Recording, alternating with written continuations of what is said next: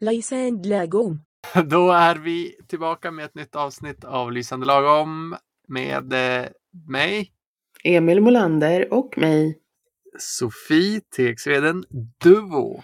Och vi har nyligen jobbat med ett jätteroligt projekt tillsammans med arbetsgivarorganisationen Sobona och gjort några små filmsnuttar om hur det funkar att lära sig svenska eller att lära sig yrkessvenska. Och lite hur det liksom har att göra med hur man kan bemöta den som lär sig svenska på eh, en arbetsplats. Så idag tänkte vi prata om liksom, hur funkar sådana här språksatsningar? Liksom, hur, vad kan man göra för att bli bättre på svenska? Vad kan man göra för att bli bättre på yrkessvenska? Mm. Så vad vill du börja med här, Emil? Hur blir man bra på svenska?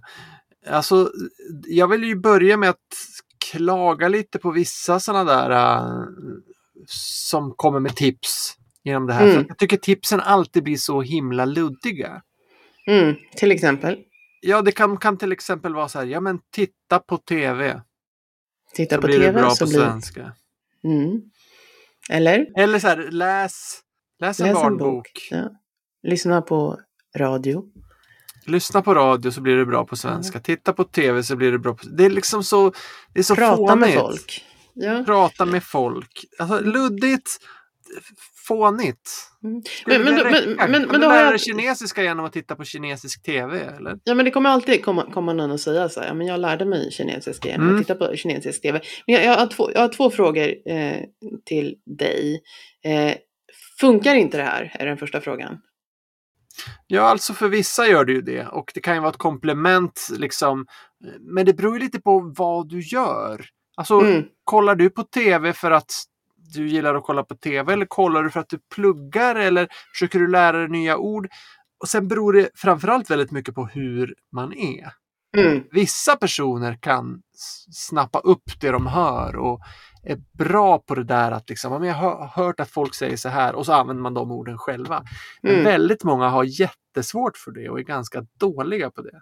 Ja, sen tänker jag också, det beror lite på vilken ingångsnivå man har. Att om man är total nybörjare och sätter sig liksom och tittar på Rapport så kan det vara ganska svårt liksom att, att, att snappa upp någonting för man, man förstår liksom ingenting. Mm. Man vet inte vad man ska snappa upp. Men om man är på liksom en hög avancerad nivå då tror jag att, att, att om du som, som du säger att man har en, en liksom personlighet som gör att man är bra på att liksom, ha lite analytisk förmåga och kan liksom observera. Jo men då, då kan man ju lägga märke till liksom ett intressant ord eller uttryck som man själv liksom kan använda sen.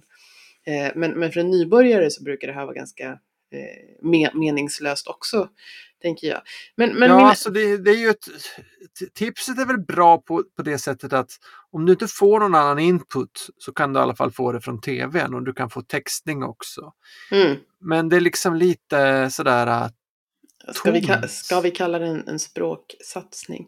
Men, men min, min andra fråga till dig är varför tror du då att, att det här är liksom någonting som faktiskt sprids och syns? Att, att, att, liksom, att, vi, att, folk tycker det här är bra när någon säger liksom, ja men titta på tv så lär du dig svenska. Va- Varför gillar vi det? vi, vi gillar det för att det är så enkelt. Mm, Och så är det inte ansträngande att titta på tv. nej, och inte heller att säga det till någon. Nej, precis. det, det är enkelt. Ja, jag tror också att det finns något så här liksom att, ja, men, att, att när man börjar liksom titta och gräva och se vad som finns i språket, då ser man ju otroligt mycket där. Liksom, tänk liksom, alla de här orden man ska lära sig, så är det liksom vartenda ett av de här orden ska man lära sig. Alltså, språkinlärning är ju liksom inte att man tittar på tv och så liksom så har det liksom kommit in en massa i huvudet utan man måste ju lära sig ord för ord och då måste man lära sig hur det uttalas, hur det böjs, i vilket sammanhang eh, det, det används och så vidare. Alltså när man börjar titta på det då, då fattar man vilket oerhört enormt stort projekt det är att lära sig språk och jag tror, Mm. jag tror det är någonting vi gärna vill blunda för eh, när, när vi liksom bemöter andraspråkstalare. Liksom att, vilket fruktansvärt projekt de går igenom. Liksom, hur, hur orkar de? Hur kan de orka? Och då vill vi gärna säga istället, ja men det löser sig om du typ tittar på TV. Mm. Titta på tv och låt tiden gå för med lång tid så kommer det bli bra säkert. Mm. Och det är många som tar till sig det där också själva och känner ja men okej, det är bara tid, jag måste bara vänta lite. Nu tittar jag på tv och så väntar jag ungefär. Ja, precis. Så, kom, så kommer det kommer hända någon dag. Liksom. Plötsligt en dag så, så har, det, har det löst sig. Ja, En, en annan sak som man ofta hör är att här man ska, man ska prata på. Att man inte ska tänka så mycket liksom, på om man säger rätt eller om man säger fel, utan liksom låta munnen, munnen gå. Och så brukar det lösa sig eh, på det sättet. Vad tycker, vad tycker du om det, Emil? ja det är eh, ett dåligt förslag, ett dåligt råd. Ja. Det, det kan ge, vara precis, eh, ge en precis motsatt effekt till det som man försöker göra. För om du börjar prata så fort som möjligt och eh, då kommer du prata när du har väldigt dålig koll på grammatik och på uttal. Mm. Och även ord. Och ord, ja. Ja. Man hittar på ord. Ja, alltså det, det som är fördelen med det är att okej, om du pratar med någon då kan du testa och så märker du förstår de eller förstår de inte och då kan du liksom justera därefter. Men Mm. då, det krävs också ganska mycket liksom, kompetens för att göra det. Men framförallt så är det så att om du börjar prata tidigt så, så vänjer du dig vid att uttala saker fel. Du vänjer dig vid vissa ord och fraser som du säger fel. Och Mm. då sitter det där och så fastnar det eh, ganska hårt och då är det svårt att ändra på det efteråt. Det finns massor av både studier och eh, erfarenhet som visar det. Mm. Hur ska man göra då? Alltså det kom en studie ganska nyligen här nu som är gjord av en forskare på Stockholms universitet som heter Fanny Forsberg Lundell. Och eh, hon har kollat på eh, svenskar som bor i Frankrike Mm.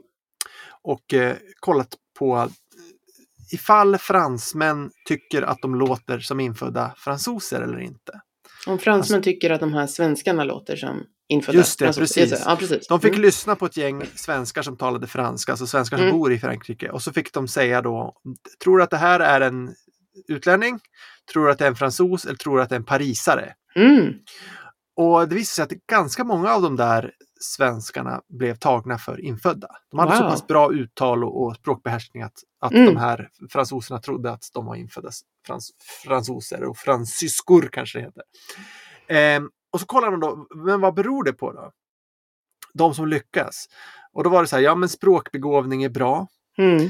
Men en annan sak, sak som också var bra, som var liksom en framgångsfaktor som korrelerade, nej, ja, det korrelerade med de här som hade en hög, Mm. hög nivå, i, i, kanske inte orsakade, men det var att de var introverta. Mm. De Så som då- inte söker kontakt och pratar med för mycket folk för tidigt.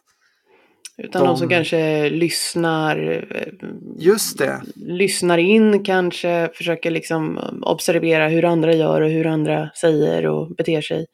Tänka efter lite mer. Alltså att vara eftertänksam är ju bra i många, eh, många lägen förstås. Mm. Ehm, men det verkar ju som att eh, det där att inte vara för snabb med att dra igång och prata hjälper. Precis. Det är jätteintressant för det, det slår ju hål på ganska många myter som går ut på just att den som är social och extrovert liksom har lättare eh, att, att, att lära sig språk. Men Mm. jag, jag har absolut inte gjort någon studie och jag är ingen forskare. Men vad jag har märkt eh, under de år jag undervisat att ofta de här människorna som har ganska mycket självförtroende är ju ofta också de som Mm. pratar på och gärna använder Mm. lite ord som de kanske inte är säkra på och kanske hittar på, explinera eh, till exempel. Ett, ett vanligt förekommande ord i de här sammanhangen. Eh, de har ju ofta ganska många fel i sitt språk, alltså om jag tittar grammatiskt med ordföljd och sådär. Ja. Medan de som har lägre självförtroende och väldigt osäkra på sig själva och kanske dubbelkollar och tar det lite lugnt och bara använder liksom ord de verkligen liksom känner att de kan. Mm. De har ju ofta en mycket högre korrekthet, men mår också sämre psykiskt. Alltså att, att de, Mm. det är de här människorna som kommer till mig och berättar liksom, jag är så dålig på svenska, jag kommer aldrig lära mig, Ja. det kommer aldrig funka för mig. Och, och, liksom, och, och jag vet ju samtidigt att jo, men, det gör det, men du kommer nog aldrig må bra. Liksom. Du kommer alltid må så här dåligt.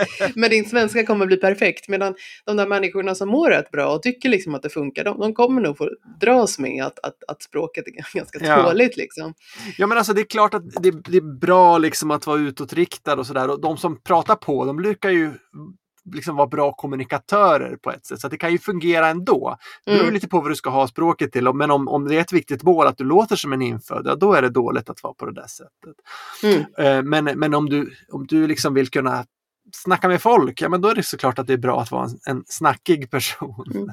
Men, men, men sen, sen är det ju så här, vi kan ju liksom inte, som lärare så kan vi inte säga, ja men du ska ha den här personligheten för då ska Nej. du lära dig språket bra. Men, men vi kan i alla fall se till att vi inte försöker uppmuntra folk att börja prata för tidigt. Nej, jag tänker också i de här sammanhangen när vi har jobbat tillsammans med arbetsgivarorganisationer bland annat och arbetsplatser är ju också att vi har, vi har märkt är att ah, svenskfödda arbetsgivare ofta liksom, de gör ju ofta en ganska liksom, informell bedömning av språkkunskaperna Mm. hos eh, till exempel praktikanter eller arbetstagare som kommer dit och inte kan ha svenska som första språk. Och då tenderar de att tycka att de som pratar mest och pratar mycket är de som kan mest svenska och de som är lite introvertare eller kanske inte pratar så mycket mm, av olika anledningar, de bedöms ha en lägre nivå i svenska. Medan då när vi har gjort alltså, mer formella bedömningar av samma individer så har vi inte sett att, att, att de som pratar mycket kan mer, utan oftast Mm. faktiskt eh,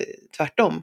Så det tror jag också är väldigt viktigt att man som om man mö- möter eh, andraspråkstalare liksom i andra sammanhang än en lärande miljö eller ett klassrum så ska man nog vara medveten om det. Att Mm. bara för att någon snackar mycket betyder det inte att den kan. Och framförallt är det, kan det också vara en strategi att man liksom försöker låta bli att lyssna. Alltså om jag, om jag pratar Ja. mycket behöver jag inte förstå vad någon säger. För det är jag som håller, håller låda istället. Ja. Ja. Ja. men alltså, jag jobbar ju väldigt mycket med att lyssna på hur folk pratar och, och även bedöma det. Mm. Och eh, ibland så träffar man på sådana här som, som är väldigt pratsamma, som pratar mycket, som pratar fort. Mm. Och det är någon slags liksom, hit and miss. Om man slänger ur sig så mycket som möjligt så kommer några av de här sakerna som jag sa träffa rätt. Alltså man säger allting dubbelt eller tredubbelt Mm. på lite olika sätt med lite olika ord. Och man Någonstans lyssnar på kommer det- det gå fram. Liksom. Ja, när man lyssnar på det noggrant som, som jag ofta gör, vi spelar in folk när vi har en, en muntlig tentamen. Vi spelar in folk och så lyssnar vi, men vad sa den här personen egentligen? För att kolla liksom, hur, hur är språket? Ja, då kan vi se att det här, det här är ju jättekonstigt. Det är liksom helt galet. Ja. Ja, men i den kommunikativa situationen när man pratar med en sån där person, Mm. men då brukar man ofta liksom förstå ändå. Mm. Och så, åh vad duktig den här personen Ja, för att det är. Ja, det är kombinerat tittat mycket på tv.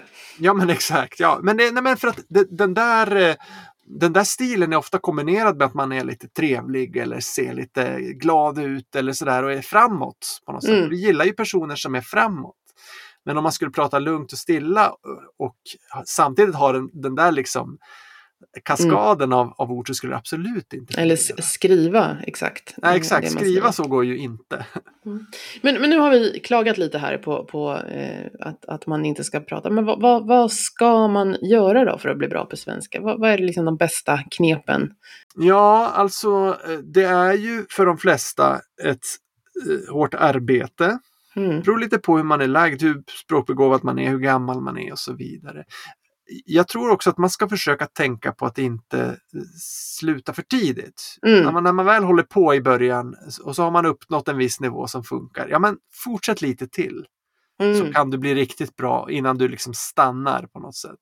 Ja men precis, det där är rätt intressant för ibland får jag intrycket, och nu, nu kanske jag uttalar mig lite fördomsfullt, men framförallt bland britter, amerikaner och andra liksom från engelskspråkiga länder, att de har nästan som en missuppfattning att, att svenska eh, liksom inte, inte är särskilt mycket mer än en ganska låg nivå. Att de tycker när Mhm. de kan lite grann så, så liksom, har de lärt sig all svenska som finns. Så de kan nästan inte föreställa sig att det finns liksom ett avancerat språk också. Och liksom, Mm. mycket mer än hej hej och hur mår du och sådär. Och, och där är det väldigt många som, som slutar efter kanske en A, 2, B1 nivå då enligt Europarådets skala och tycker liksom, men nu kan de tillräckligt och kan Det är ganska lågt. allt.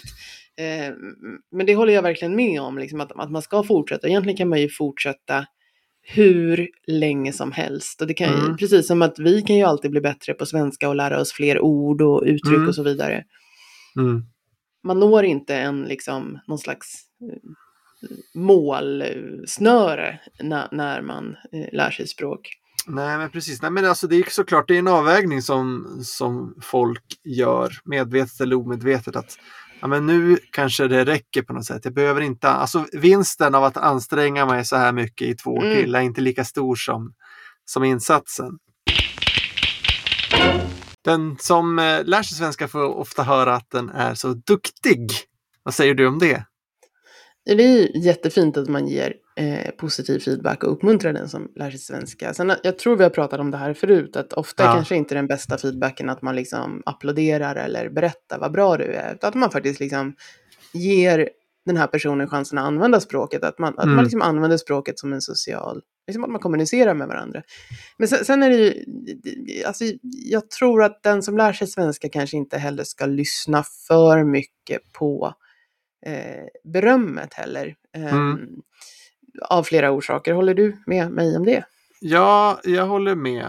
Alltså det, och jag tror att det, jag har märkt i alla fall att vissa tror på det där i början och sen så blir det så här, aha, okej. Svenskarna säger bara bra hela tiden. Mm. Men det är ju också det där att vi har ordet bra som ett ord som betyder att vi avslutar någonting. Bra, då går vi. Alltså, det betyder inte bra. Sådär, så, men, men visst, det är många som får höra åh vad bra svenska du kan. Det säger man bara för att vara snäll. Ja, Eller? jo men det, det gör man ju. Och, och, eh, det är väl lite svårt också för den som inte jobbar med språk att liksom kunna göra den bedömningen. Och då vill man gärna säga något snällt och säger man bra liksom. Och, och det är ju väldigt imponerande med någon som lär sig någonting. Men man ska Mm. inte tolka det som att, att man är klar, att det inte finns mer att göra. Det hänger ihop lite med det här som någon skrev på nätet nyligen. Så här att Fråga inte modersmålstalare om hjälp med, när du lär dig deras språk. För de har inget perspektiv för det. Mm. Och det ligger ju otroligt mycket sanning i det. Att, att na- bara för att man kan svenska så vet man inte hur man lär ut det. Och man vet inte vad som är svårt, man vet inte vad som är viktigt, man vet inte vad som är väldigt annorlunda från andra språk. Alltså det är väldigt lätt att tänka sig liksom att ja, men det här tyckte jag liksom eh, var ett svårt ord på svenska. Då måste det vara jättesvårt för den som lär sig Mm. svenska. Eller att det finns ju massa små saker som man, till exempel bara hjälpverbet slipper. Eh, Mm. är jättesvårt för den som inte har svenska som andraspråk att fatta vad det betyder. Men det tror jag inte någon som är infödd svensk liksom kommer på som en, en grej liksom man ska eh, lär, lära ut. Att förklara vad slipper betyder. Nej. det, är, det är ganska svårt att förklara om man aldrig har tänkt på det. Nej, och att ens liksom tänka att det där kanske man inte riktigt eh, fattar. Mm. Jag, hade en, eh, jag hade en student på kurs en gång som vi hade hållit på väldigt mycket med skillnaden mellan preteritum och perfekt. Alltså Mm. när säger vi jag sprang och när säger vi jag har sprungit. Och det finns ju, finns ju en uppsättning regler för det som vi följer i ganska stor utsträckning men det finns också vissa undantag som beror på olika saker. Men då var det, då var det en student som kom tillbaks efter när vi hade haft några sådana lektioner. Hon, eh, och så sa hon på fel sätt och då så rättade jag och sa nej men du det här skulle du ha sagt sådär. Och då sa hon nej, nej, nej, mina kompisar de har sagt att eh, de har sagt att man säger sådär. Alltså i vanligt talspråk. Ja, ja men det där är ju den en där väldigt... förklaringen kommer ofta, eller hur? Den förklaringen kommer väldigt ofta. Ja, men det är så när man pratar. Då är man inte så noga som man är när man skriver. Ja, Eh, men, men nej, nej. Det ska vara Nej. rätt även när ni pratar. ja, ja men alltså, och, och det är ofta den förklaringen man, man hamnar i som modersmålstalare som inte har funderat på svenskan som ett inlärarspråk förut. Att, att ja, men det är nog för att läraren kommer med någon dum regel där som du inte behöver tänka på. Så här säger man. Precis. Och Och sen, och sen en, en klassiker som jag upplever liksom många så här. Ja, men nu har min flickvän börjat plugga svenska eller min kollega har liksom börjat. Då ska jag förklara det här med reflexiva possessiva pronomen. Alltså varför Mm. man ibland då ska använda sin, sitt, sina istället för hans eller hennes eller ens eller deras. mm. Eh, och då brukar alltid fokuset då om man är, om man är ovan vid att lära ut svenska som andraspråk, det handlar ju om det när det blir de här missförstånden, att han, han pussar på hans pojkvän, ha ha ha, ja men det blev det liksom inte hans pojkvän utan det blev det en annan person och så har vi triangeldrama. Och, och det där har jag också upplevt lite, tycker jag, när jag har sett andra undervisa, att det blir ofta det som blir det stora fokuset i, i just när man jobbar med reflexiva possessiva pronomen. Mm. Och man kanske glömmer då att, att liksom fokusera på den egentliga frågan, när ska man använda och om, om vi liksom inte har triangeldramor, om liksom Ja. det vi pratar om tillhör den första personen, hur ska man då välja rätt pronomen? Just det det. handlar ju om det är ett subjekt eller ett objekt. Alltså Mm. om det är objektet i satsen ska det vara sin, sitt, sina och subjekt så har vi de vanliga, hans, Mm, hennes, deras. Vi kan an- aldrig använda sin sitt sina på subjektsplats. Nej, precis. Ehm. och då, Men det blir inte alltid sin sina på objektsplats heller. Det beror på vem Ja men som... precis, ibland har vi de här undantagen. Men ofta liksom kommer den saken först för man tycker det är lite roligt och här kan det bli fel. Och så vill man gärna liksom föreläsa då för den här stackars personen som kanske inte ens har liksom Mm. kommit dit. Ja men det här måste du verkligen ha superkoll på så att du inte säger liksom att hon klappar hennes katt. Hahaha. Eh, det var ju inte hennes katt. Mm. Mm. Så mm, lyssna inte för mycket på de som inte vet vad de håller på med, oavsett om det är beröm eller eh, goda råd. Man kan ju lyssna på dem eh, till, eh, till så motto att man eh, pratar ungefär som de pratar. Mm. Ja, men alltså, absolut. lyssna på vad de har sagt och så säger du sådär också. Om du har lärt dig, tror du, att ett ord uttalas på ett visst sätt, men du hör att alla svenskar uttalar det på ett annat sätt, ja då har du förmodligen missförstått det du har lärt dig. Ja, precis. Ja, men det finns ju, man måste ju kunna lita på det. Det var, det var jätteintressant. Vi gjorde ett, en, eh, en kurs jag hade så skulle man skriva ett eh, referat. Och Mm. eh, då, då handlar det om en person som flyttar hemifrån.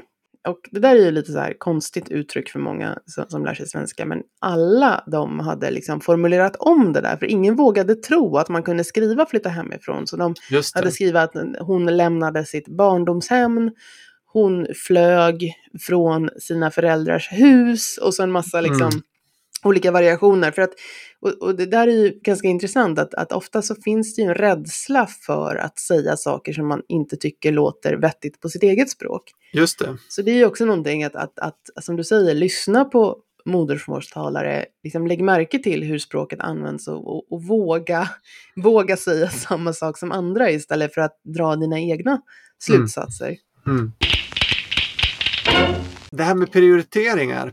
Ja, men det, det, är en intressant sak som händer ibland när jag undervisar, att det kommer någon till mig och så pekar de på någon sak som vi har eh, liksom, tagit upp, en grammatisk moment eller säger att vi har pratat om partikelverb. Eh, och så kommer de till mig och säger så här, ja men Sofie, liksom, vad händer om inte jag använder det här? Eller vad händer om inte jag, om inte jag eh, gör rätt i de här situationerna? Kommer svenskarna inte förstå vad jag säger?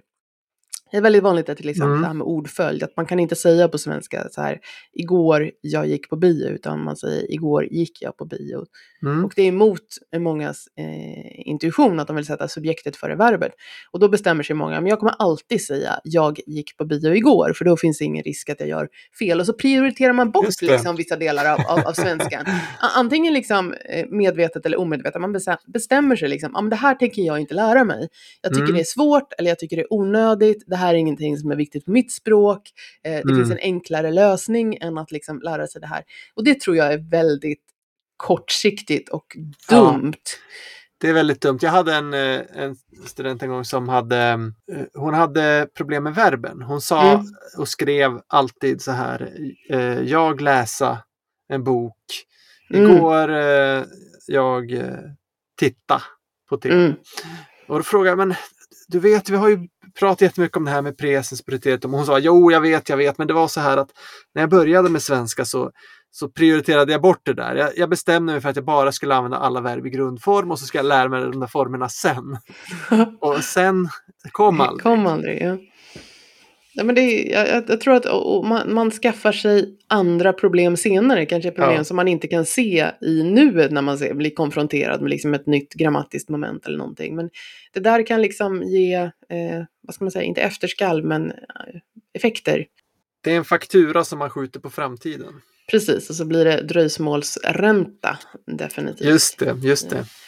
Sen en annan sak som jag upplever många som lär sig, det är det här liksom att de, de tycker att de har en speciell lärstil. Mm. Eh, och det där är jag också väldigt skeptisk till, att de kan komma till mig och de vill ha en kurs, men de vill absolut inte ha eh, grammatik, för de tycker grammatik är så himla svårt. Mm. Eller de vill absolut Eller inte... tråkigt eller onödigt. Eller onödigt, eller de vill absolut inte skriva, för det är så himla svårt att skriva. Och det där är ju ofta, eller liksom att ja, men de vill inte ha riktiga lektioner, utan de vill att det ska vara roligt istället. Och att de ska få typ titta på film och ta det lite lugnt. Ehm, och det där är jag ofta väldigt, väldigt skeptisk till. För det betyder ofta att ja, men om man absolut inte vill ha grammatik, då är det just grammatik man behöver för att gå Ja. vidare i sin lä- lärprocess. Liksom. Ja. Jo, jag känner igen det där helt. Så här, ja, men skriva det behöver jag inte, jag vill bara bli bättre på att prata. Ja, men du har ju ett jobb där du måste skriva det här och det här och det här. Ja, ja, ja. ja men. Det, det tycker man man kan lösa genom att liksom kopiera från lite andra källor och sådär. Mm, Eller använda Google Translate eller någonting, men det är lite kortsiktigt. precis. Och, ofta så är det, handlar det om att man tycker det är lite bekvämt. Och om, om det är väldigt lätt och bekvämt och skönt att lära sig ett språk, då kommer man antagligen inte särskilt långt heller. Utan det, det är ju när det, när det liksom blir lite jobbigt som man verkligen rör sig framåt, i Mm. min erfarenhet. Det sista tipset som jag tycker vi ska ge det är att man ska använda bra läromedel när man ska, vill lära sig svenska riktigt bra. Jag Mm. tänkte vi kan säga någonting om hur vi, hur vi tänker och gör när vi skriver läromedel.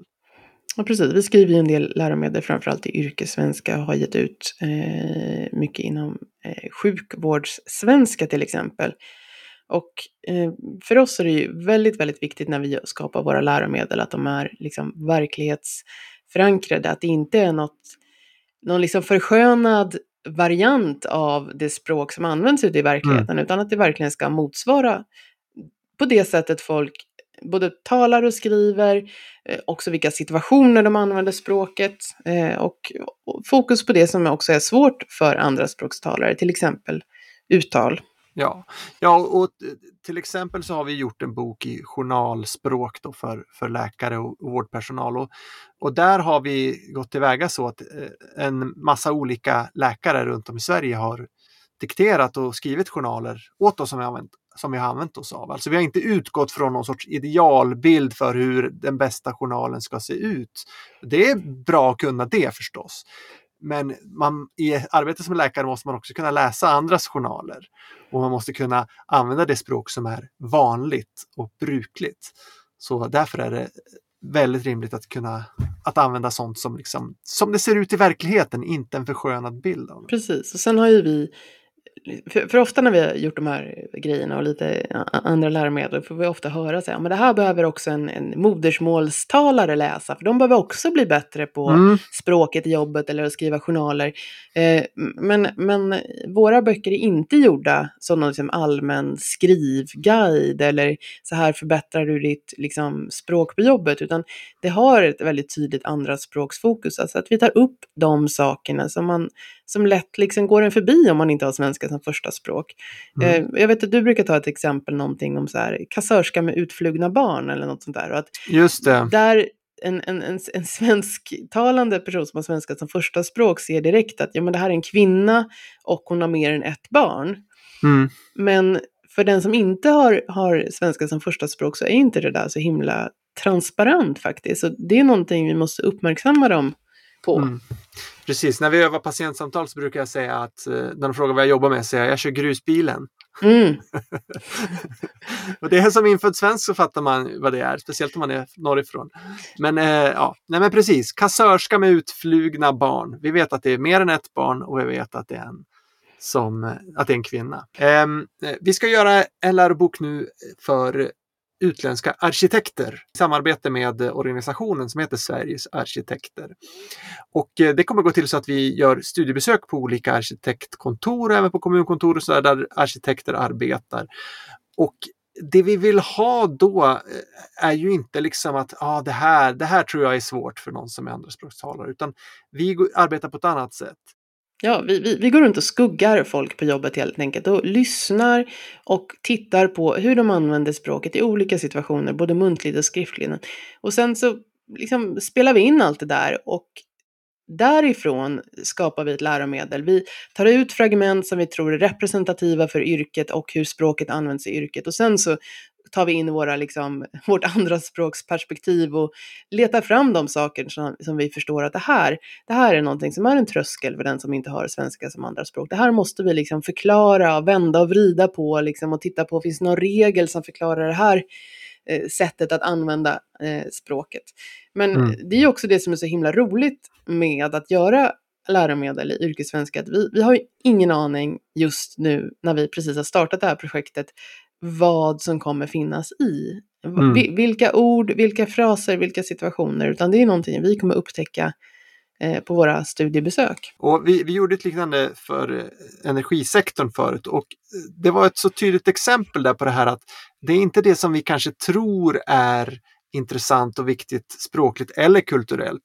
Och ofta vill ju de som vi besöker berätta om någonting som de tycker är väldigt typiskt svenskt eller sådär som är väldigt liksom, speciellt för kulturen. Men det är inte alltid det är jätteintressant för den som är ny i Sverige. Det är inte heller någonting som är nytt för den som har varit i Sverige ett tag och lärt sig lite om den svenska kulturen.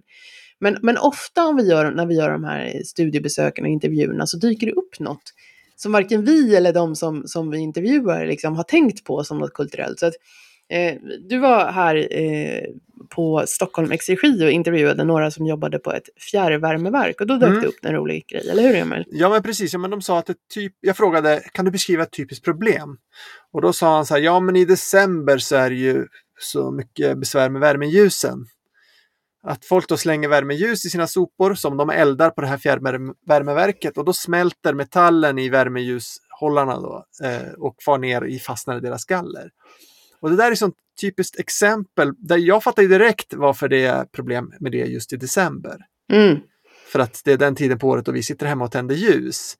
Men om man inte har liksom den kulturella kontexten där så är det jättekonstigt att plötsligt en månad så kommer en massa aluminium in där. Så det där var ett typexempel som, som bara, men vänta nu, det här är en kulturell sak. Ja, och det är just de sakerna som vi är ute och letar efter när vi gör våra studiebesök. Om du är arkitekt eller jobbar på ett arkitektkontor och vill delta så hör gärna av dig till oss så kanske vi kan eh, komma till just din arbetsplats och titta. Det vill vi gärna göra. Eh, tack alla för att ni har ly lyssnat och tack för att ni fortsätter bli bättre på svenska och hjälpa andra att bli bättre på svenska. Ja, gå, på, gå till lysforlag.com så kan ni se våra läroböcker bland annat om de här sakerna. Tack och hej! Tack och hej!